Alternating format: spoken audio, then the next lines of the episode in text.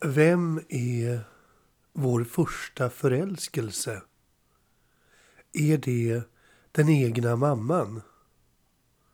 Och om det nu var så i mitt fall så måste jag nog tyvärr avslöja nu att jag hade affärer på sidan av min förälskelse till mamma. Min bästa vän Jana på Klackvägen 22 i Solberga var förstås mitt första snedsteg. Och på mitt lekis blev jag omåttligt kär i den morotsjuice-drickande Erika vars hud glänste i gyllene kulör. Men bland vuxna kvinnor hade jag ingen att tillskriva min kärlek. Tills en dag då vi flyttade och bytte skola och lämnade både Jana och Erika därhän. Från den nedgångna förorten Solberga söder om Stockholm gick nu flyttlasset mot Spånga och villaområdet Nälsta. Och första dagen i skolan så sa det klick mellan mig och lärarinnan Barbro. Jag var åtta och hon var väl runt 35. Plötsligt fick jag möjlighet att bli liten igen. Hemma var jag en självgående kille som delade mina föräldrar med flera fostersyskon. Och precis som hundar som byter miljö och familj så blev den första veckan med Barbro ett rent experiment från min sida. Jag testade lite var gränserna gick. Men det föll sig också så naturligt att hon på något sätt adopterade mig. I gymnastiken blev jag till en bebis som inte kunde klä på mig snabbt nog. Så givetvis ryckte hon ut och såg till att jag kom därifrån med kammat hår, kläderna på och välknutna skosnören.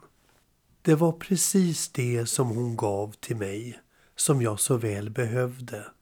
Omtanke, vänlighet och trygghet. Och när mina första tre år i skolan var till ända så var det dags att lämna denna underbara kvinna.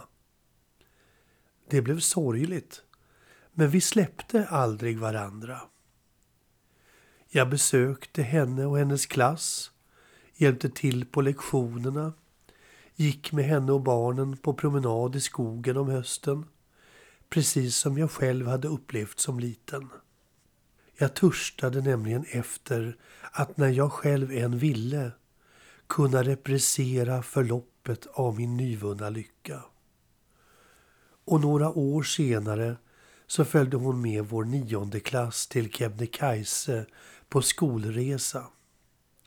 Och på Stockholms central mötte hon upp sin gamla klass med sina barn Johan, Anna samt maken Bo. Hon presenterade mig för sin son och sa Det här Per är min son Johan. Jag hoppas att han ska bli som du. Kanske hade hon då haft en längtan efter en egen son som skulle vara lite som jag. Och själv hade jag ju velat haft en mamma som var lite mera som hon. Jag tog med mig Johan i Kebnekaise och jag lärde honom att måla akvareller och fick vara hans storebror ett tag till Barbros förtjusning. Nu är du för evigt borta, Barbro. En dödsannons på nätet är det lilla spår av dig som jag fann. Inte någon bild, bara en dödsannons med de enkla orden Vi saknar dig. Det är klart att du är saknad, Barbro. Vi är många, många fler som saknar dig och du kommer att finnas i våra minnen och hjärtan så länge som vi lever. Hur ska vi någonsin kunna tacka dig och alla andra fantastiska kvinnor i yrkeslivet som även tagit ett ansvar gentemot andras barn och lyckats att både kombinera både inlärningsprocesser och mänsklig värme på det fenomenala sätt som du lyckades med. Jag fick ju aldrig chansen att tacka dig på detta sättet, Barbro.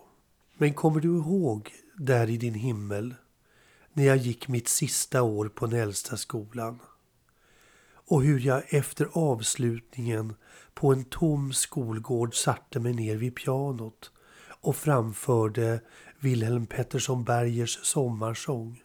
Och när den sista tonen klingade ut så såg jag dig och alla dina kollegor stå i lärarrummets öppna fönster och busvissla och applådera.